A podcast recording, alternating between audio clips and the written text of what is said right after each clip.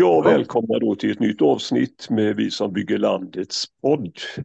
Idag har vi med oss en gäst ifrån Kiruna, Björn Forseth, som har varit eh, hemvärnsman, reservofficerare och i utlandstjänst och plåtslagare, översättare, lärare och så vidare genom livet.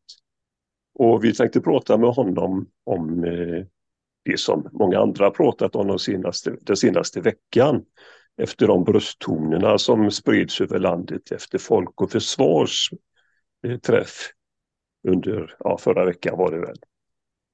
Och som eh, hade budskapet att Sverige måste förbereda sig på krig. Man talade klarspråk sa man. Och många ställde ju sig frågan, är det här på allvar? Är det så att eh, det på riktigt är så att Sverige hotas att dras in i ett krig eller vad är det som håller på att hända? Vad är det som har ändrat sig? Och det tänkte vi prata om med dig Björn. Ja. Och jag tror säkert du har funderat en hel del på detta också. Så vad, vad, vad, blir din, vad, är, vad är din reaktion till det här som sades och spreds ifrån den här konferensen?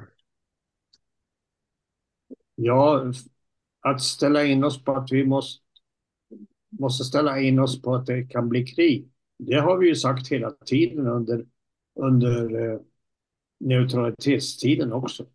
Det har ju alltid, hela lumpen har ju gått ut på att vi måste förbereda oss för krig. Men mm. det, det, har inte varit detsamma som att vi väntar krig, ska krig. Nej, precis. Det är väl därför man har ett försvar såklart. Eller hade, ja. för det är väl det, det, som, det är väl ganska tveksamt om det ens finns längre. Ja, det, när de la ner försvaret först, först så la de ju ner det bara delvis eh, när kalla kriget var slut. Då skulle man vänta och eh, och så planerade försvarsledningen för en tioårig återhämtningsperiod. Om det skulle bli hett igen ett hett läge, då skulle man få tio år på sig att bygga till, komma till den situation man befann sig i när man la ner. Mm. Och den, den nedläggningsperioden var jag väldigt stolt över. När jag var ute och höll föredrag på eh, hemvärnsföreningar och andra försvarsmöten. Då tyckte jag det var snyggt. Jag uppträdde i uniform också för att visa att jag tyckte det var bra gjort. Men sen gick det några år, de slutade snacka om återhämtning plötsligt. Och det blev alldeles tyst. Och sen började de med det där eh, amerikanska systemet för vad heter det, separat, nej vad heter det för separatkrig eller nej, jag, jag minns inte vilket ord de använde. Insatsförsvar var väl ett sånt ord också, tror jag. Ja, men det var en följd av att mm.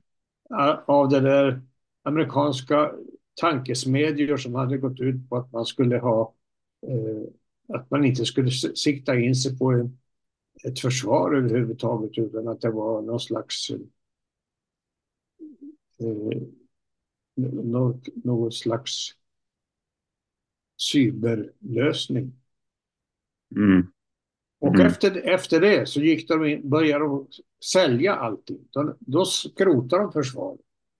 Då, då mm. var allt, allt snack om återhämtning var plötsligt över. Och man gick in för att skrota försvaret som om det aldrig skulle behövas. Mm. Det pratar de aldrig om nu alltså. De snackar bara om att man har, man har raserat försvaret, säger de, liksom som de inte själva var skyldiga till det. Men det var de ju. De var skyldiga till att skrota ett fullt, fulldugligt och välanpassat försvar med, med 700-800 000 man i möjlig möjlig eh, man, trupp att, att trumma ihop i nödläge. Mm. Eh, det var kvalitet som de plötsligt bara sålde. De slängde kanoner och grejer som var nyinköpta. Tunga batterier och sånt där som, som bara skrotades. Det var, och så, så sålde de ju försvarsanläggningar överallt och områden. Mm. Som eh, försvaret kunde öva på. Eh, och det blev kursgårdar och, och hotell och allt möjligt av det där. Mm. Ja, de la ner försvaret genom att skrota det helt. Mm. Precis. Och nu eh, satsar man jättemycket pengar på att bygga upp något försvar, eller vad man ska kalla det för att det här kommer ju, om allt går som de vill, inte ens att stå under enbart svenskt befäl, utan det kommer ju vara en del av NATOs trupper i så fall. Och... När de började med återuppbyggnad på allvar mm. Eh, så var, då var det ännu inte snack om att Sverige skulle gå med i NATO. Det kom senare. Och under tiden så var Socialdemokraterna stenhårda på att fortsätta den svenska linjen från den första Bernadottens tid, alltså 200 års av, av eh, neutralitetspolitik. Mm. Men så plötsligt, över en natt, bytte de fot. Mm. Och eh, ja, det är ett svek som inte går att vifta bort. Men vad har vi hamnat här nu? Det var det du var ute efter. Ja, precis. Nu eh, Många tänkte ju säkert, tror jag i alla fall, att eh, Sverige söker medlemskap i NATO. Nu får vi ett enormt försvar för Sverige och alla länder som eh, de påstår hotas av rysk aggression. Och istället så pratar man nu om att Sverige kan vara nästa måltavla för Ryssland och sådär. Liksom. Det, det känns som att det rent logiskt inte hänger ihop riktigt. Och, eh, man har ju dessutom skrämt upp folk och inte minst barn över den här eh, plötsliga, ganska kraftiga krigsretoriken som kommer ifrån höger. Sådär, liksom. Det där med att, skräm... det där med att skrämma upp barn, det känner jag igen från när Chrusjtjov var i Sverige och jag var liten. Mm. Man kan räkna ut hur gammal jag var, men jag minns inte riktigt. Jag var väl i lågstadieåldern, fast det hette inte lågstadiet på den tiden. Men jag var ung, ganska liten, och när de vuxna pratade i köket om, om eh, Chrusjtjovs besök och att eh, den mannen skulle kunna starta ett världskrig och eh, utplåna oss allihopa. Då började jag gråta, kommer jag ihåg. Detta har jag blivit påmind om av det nuvarande snacket om att man skrämmer barn. Jag blev skrämd då, men de vuxna tog ju naturligtvis och lugnade ner mig, för de såg mer realistiskt på det än det lät. Och det ska man göra nu också. För så länge som vi var neutrala så var vi fortfarande inte någon måltavla. Vi kunde fortfarande bli naggade i kanten och eh, provocerade genom olika åtgärder som Ryssland gärna gör, alltså komma med mm. flygplan nära inpå och sådär. Men eh, invadera oss tror jag inte någon egentligen trodde skulle ske. Men nu tror, nu tror de det på fullt allvar, säger de. Och mm. det beror väl delvis på att de har, genom att de har bjudit in stormakts A till att ta områden efter områden i Sverige som sina övningsområden. Jag träffade en kvinna på restaurangen här där jag äter, äter lunch för några veckor sedan eh, som var från Haninge. Hon var här för ett, en födelsedag så det var inget speciellt med det. Men eh, i förbigående så sa hon att bakbordet där att vi att i Haninge kryllar det av amerikanska soldater. Okej. Okay. Och det var, de skulle naturligtvis till Berga örlogsskolor eller amfibiekåren som det heter nu. Mm. Och det, det tycker jag är mycket osmakligt. Ja, visst. Men menar du Björn att Sverige skulle kunna fortsätta att vara neutralt och alliansfritt? Eh, det, det som de menar har ändrats, det är Rysslands invasion av, av Ukraina. Och det, det finns all anledning att, att hålla ögonen på Ryssland på grund av det, därför att det var oförlåtligt. Men eh, å andra sidan så hade Putin gång på gång på gång sagt att om NATO fortsätter, fortsätter att inringa området runt Ryssland så kommer de att få äta upp det, ungefär så. Mm. Och jag blev påminn om det av en av mina gamla officerskamrater som skrev om det i en tidning, i vår föreningstidning. Eh, där han sa att han har ju sagt hela tiden öppet vad som skulle ske om NATO fortsatte utvidga sig. Så skrev han. Det betyder mm. väl inte att han stödde Putin. Man, är, man är inte, behöver ju inte göra det bara för att analysera. Nej, precis. Och man måste väl tänka sig att eh, ifrån NATOs sida ändå finns någon sorts ambition och anledning till den här utvidgningen. Ja, I grund och botten så är NATO en organisation som skulle ha lagts ner när Warszawapakten lades ner. Och mm. då var det ju, då var det ingen... Då var ju inte Europa uppdelat i intresseområden på samma sätt som nu. Då var det lugnt just då. När Warszawapakten lades ner så skulle NATO ha lagts ner för att NATO var, NATO var ju uppbyggt på grund av Warszawapakten som de såg som ett hot. Mm. Och eh, jag vet inte vad de säger idag. Eh, om de hade lagt ner Warszawapakten, ja då hade väldigt många förband och officerare blivit arbetslösa och de hade, då hade de rustat ner NATO på samma sätt som Sverige rustat ner försvaret. Det hade de gjort. Och då hade NATO blivit mycket svagare, såklart.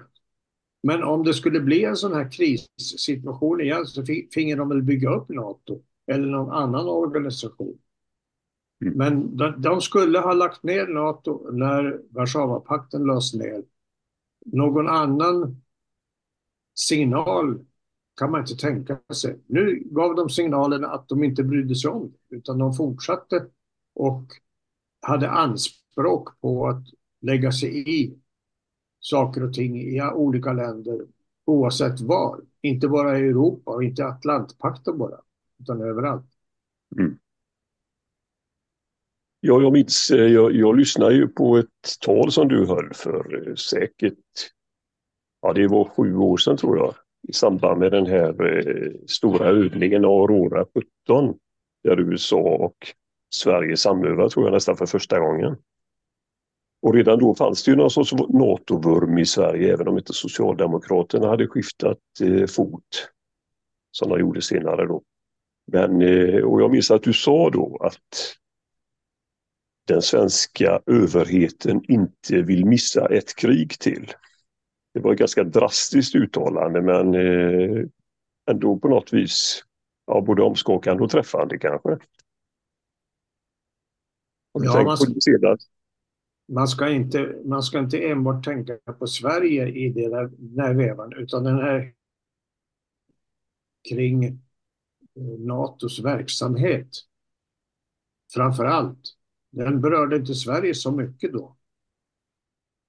Den tydde på att de, de var ju oroliga för, att, för vad som skulle hända om det uppstod krig någonstans och de inte hade någonting, någon del av det eller kunde göra någonting åt det. Mm. Så, så, har de inte sagt såklart alltså, men, det, men självklart är det så att att eh, det hade blivit resultatet. Så länge, men det, nu, nu ska vi se att nu, för att jag inte ska göra mig oklar. Eh, I Sverige så var fortfarande inte tongångarna på det viset. Utan det var framförallt i de där utländska NATO-ländernas tongångar att de var lite krigshysteriska. Och det kunde man se mycket på USAs presidenter också. Mm. Men nu när de börjar snacka om att vi skulle kunna bli medlemmar av NATO.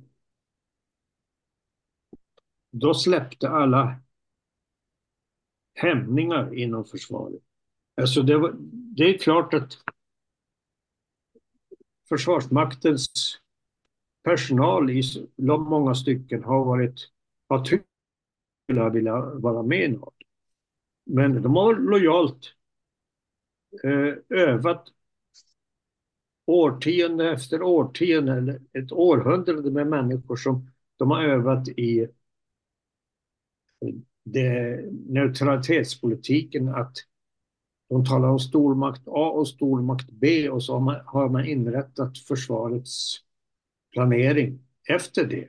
Och naturligtvis har de haft eh, en stor andel av planeringen för att försvara sig mot Ryssland eller Sovjetunionen.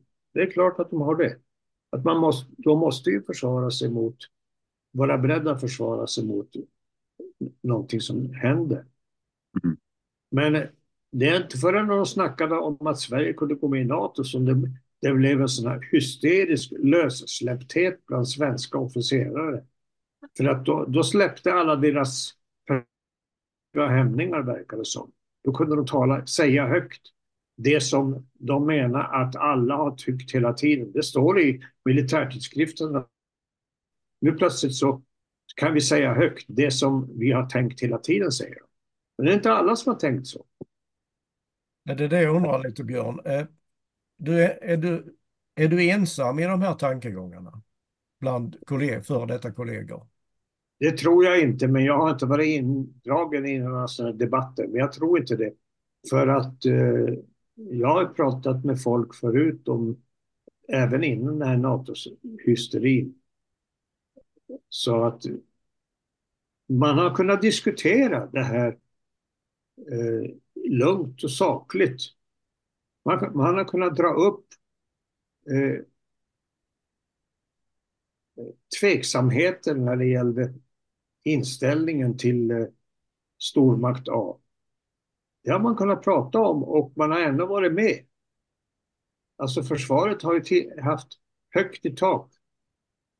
Mm. Och man har kunnat vara med i sådana diskussioner ändå. Men efter det där kovändningen som Socialdemokraterna gjorde så, så släppte alla spärrar. Allting försvann. Och sen sa folk vad som föll dem in helt och hållet. Men menar du att blev man tystad liksom på något sätt? Att man tystade sig själv då om man hade invändningar? Eller? Ja, kanske det. Tysta har ingen, ingen har sagt någonting som, ifrån försvarets sida eller från politikens sida att man inte ska kunna protestera mot det här. Det är ganska många tror jag som, som protesterar också mot det här i tysthet. Men de har inte tystats. Det är fortfarande öppet att skriva artiklar i tidningarna, insändare och så. Och jag hade på första maj ett plakat som jag väldigt hastigt och lustigt gjorde på morgonen. Ett Sandvikarplakat som jag lyckades trockla ihop med eh, med eh, galgar och snören. Okay. Eh, och där står det, det är från, det är inte jag som har hittat på texten utan den den är från en trappuppgång någonstans i Mellansverige som utan namn på vem som hade satt upp den. Och eh, där står det, det spelar, spelar ingen roll vad Ulf och Magdalena säger. Inom NATO blir vi bara USAs och NATOs lakejer. Mm. Ja. för jag tänker så också, Björn, du sa att du hade varit i utlandstjänst en hel del år. Och många officerare, om jag har förstått det rätt, har ju tvingats sluta för att man inte ville delta i utlandstjänst. Är det rätt uppfattat? Det vet jag inte, därför att eh, det har aldrig, under min tid har det aldrig varit för obligatoriskt med utlandstjänst. Det var det däremot för danska officerare och tyska och sådär. De hade det i sina anställningsvillkor att de skulle göra en utlandstjänstgöring om året eller, eller en viss, under en viss period. Och, så därför så var det ofta någonting som de rynkade på näsan åt. Alltså när de, man mötte dem så önskade de att de hade varit någon annanstans. De bara längtade på att det skulle ta slut någon. Okay. Mm. Men så har det inte varit i Sverige. Vi har, vi har haft full frivillighet. Mm. Men om de har ändrat, jag vet att de har snack, snackat om att ändra de där bestämmelserna. Men eh, det känner jag inte till om de har gjort. Men när det blir en yrkesarmé så måste väl villkoren ha förändrats en del va? Ja, det är klart att det har blivit generationsskifte och mm.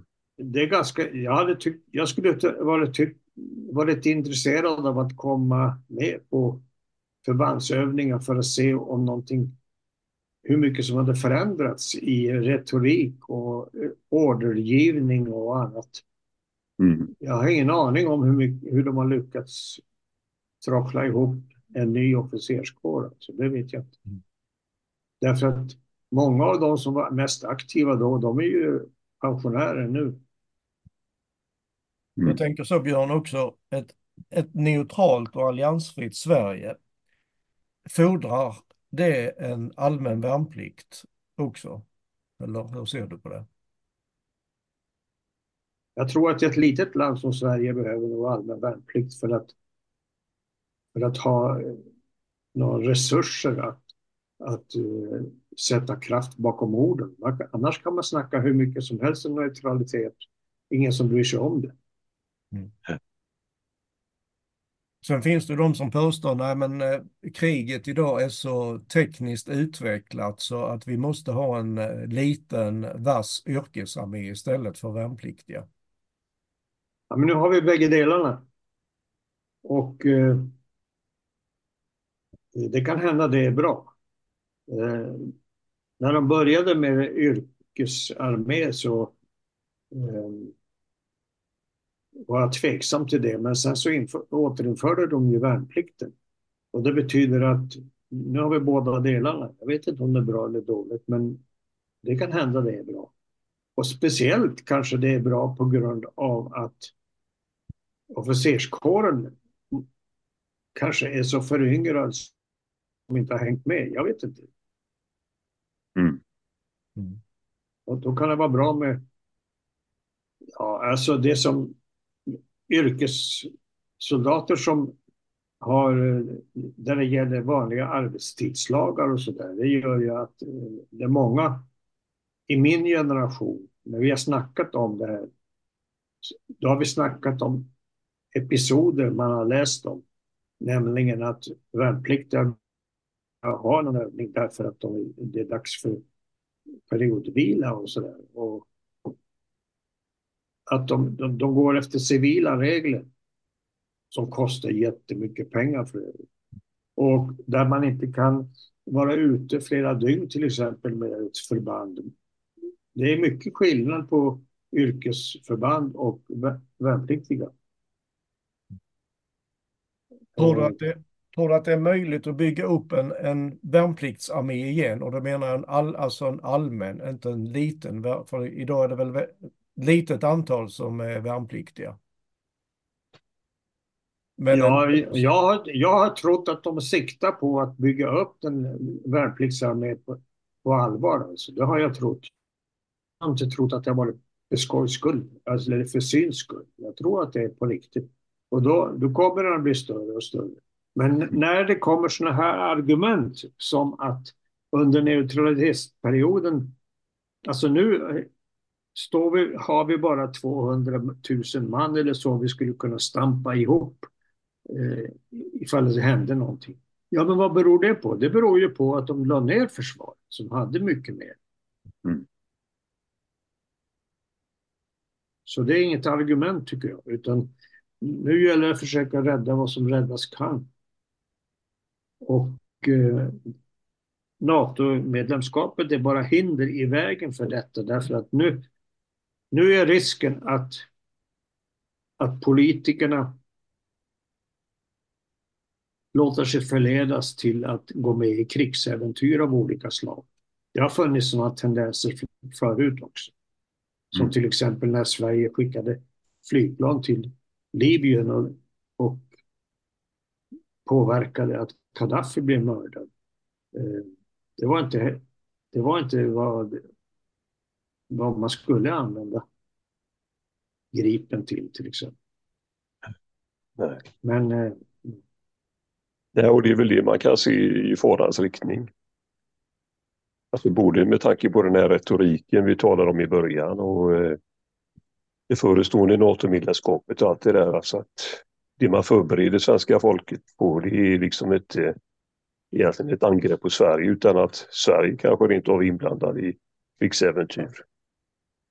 Som kanske innefattar eh, krigshandlingar mot Ryssland till exempel.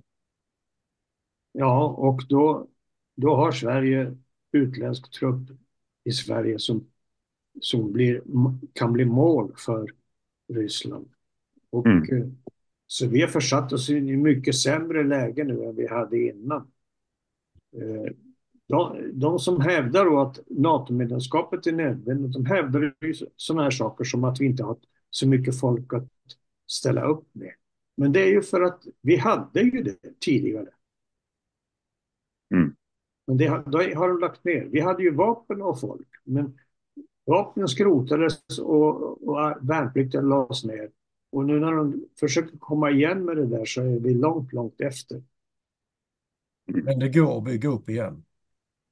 Det tror jag om man, om man vill det, men jag vet inte vad de vill nu, de nuvarande politikerna. Mm.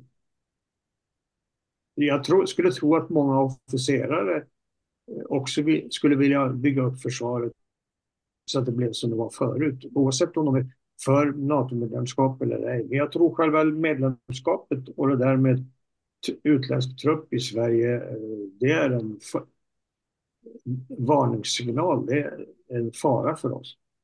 Mm. Jo, det är väl som man brukar säga att varje land har en armé, antingen sin egen eller någon annans. Mm, det brukar man det, det brukar tillskrivas Mao det där. Okay. Och eh, det har försvaret använt sig av många gånger i olika föredrag och så. Mm. Själva. Man, alla, många tycker det är en bra tes. Ja, jag tycker det i varje fall. Mm. Mm. Tänkvärt. Hur ser du på eh, utsikten att, att, eh, att få ett vapenstillestånd i Ukraina? En, en, ja, någon sorts fred, tillfällig fred då?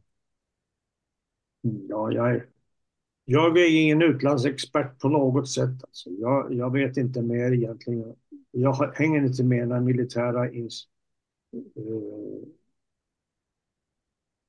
vad heter det? Som, vad heter, underrättelse. underrättelse. Jag hänger inte med i det för att jag har en, inte inblandad i det. Men som medborgare som man ser på det nu så tror jag inte Ukraina har någon chans. Se bara på hur, hur ryggen vändes åt Ukraina så fort det hände någonting någon annanstans. Men jag tror inte de har någon chans i det långa loppet. Ehm, men jag hade hoppats att de hade det. Men jag tror inte de har det. Därför att de har ju inte samma...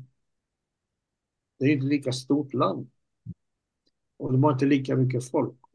Och ehm, nu håller de på och bombar Kiev också. Så Snart är kanske hela landet förstört. Och Mm. Eh, att jag har hela tiden, redan innan det här snacket om förhandlingar, så har jag sagt att, att eh, man, man kan heja på Ukraina och hoppas att det går så bra som möjligt mot Ryssland. Eh, och det var, kunde man tycka i början var möjligt också för att ryssarna var ju så klantiga i början så det var, man blev förvånad. Men jag tror att förhandling måste man eh, ta till. Titta på Vietnam, de, hade förhandling i flera år innan i en, eh, en krets mellan FNL och juntan i Saigon och USA. Och de, eh, då säger man att det gick inte bra. Ja, men det gjorde det ju kanske på sätt och vis, men de höll ju på ett år eller så och diskuterade på vilken sida stolarna skulle stå och åt vilket håll de skulle vara vända och så där i förhandlingsrummet. Och Mm. därför så kan man tänka sig att en förhandling mellan Ukraina och Ryssland skulle också eh, ta en jädra lång tid. De skulle komma fram till hur förhandlingsrummet skulle se ut. Och beroende på vilka som skulle vara med i det. Där. Men jag tror att förhandling eh, en förhandlingslösning måste ju vara det enda som skulle gälla för de människor som vill spara liv. Ja, Som det ser ut nu verkar det inte som någon vill spara liv. Ukrainarna de är beredda att dö för sitt land. Det är väl okej, men det är i alla fall liv. Och ryssarna bryr sig inte om om det är någon som dör. De dödar som de vill. Och eh, förhandling måste ju gå ut på att man får slut på skottlossningen och kan börja bygga upp både Ryssland och, och Ukraina därefter. Och sen så kommer förmodligen Ukraina att förlora någonting, en stor del. Och Ryssland förlorar någonting av sina eh, eh, eh, önskemål. Och det, det hör till förhandlingarnas natur. Nej, och risken, alltså nu, det verkar ju som att eh, positionerna är jättelåsta och det har ju till och med blivit så i Sverige i alla fall att bara du pratar om det här och att du säger att du önskar fred så är du en Putin-anhängare istället för en eh, fredsvän. Och eh, jag vet inte om det är så överallt alltså, men man får ju nästan en känsla av att eh, det är oerhört pola- polariserat just i Sverige i den här frågan alltså. Ja, jag vet inte. Ja. Nej, eh, jag är nöjd. Ja. Jag vet, jag vet inte hur det är i andra länder, men visst är det polariserat. Eh, Man blir ju Putin-kramare så fort man säger någonting som bara några fakta från något möte eller något sånt där. Så Putin-kramare kan man bli lätt kallad Mm. för. Mm. Och det får man, man får ju räkna med att man får överleva det. Därför att blir det förhandlingar så kommer det att bli förluster på bägge sidor och vinster på bägge sidor. Det, det, det är förhandlingens natur. Men dödandet hade upphört i bästa fall. Ja, vi, alltså vi måste ju, vi, förhandlingsparterna måste ju sträva efter att sluta döda varandra. Och döda oskyldiga människor. Och så.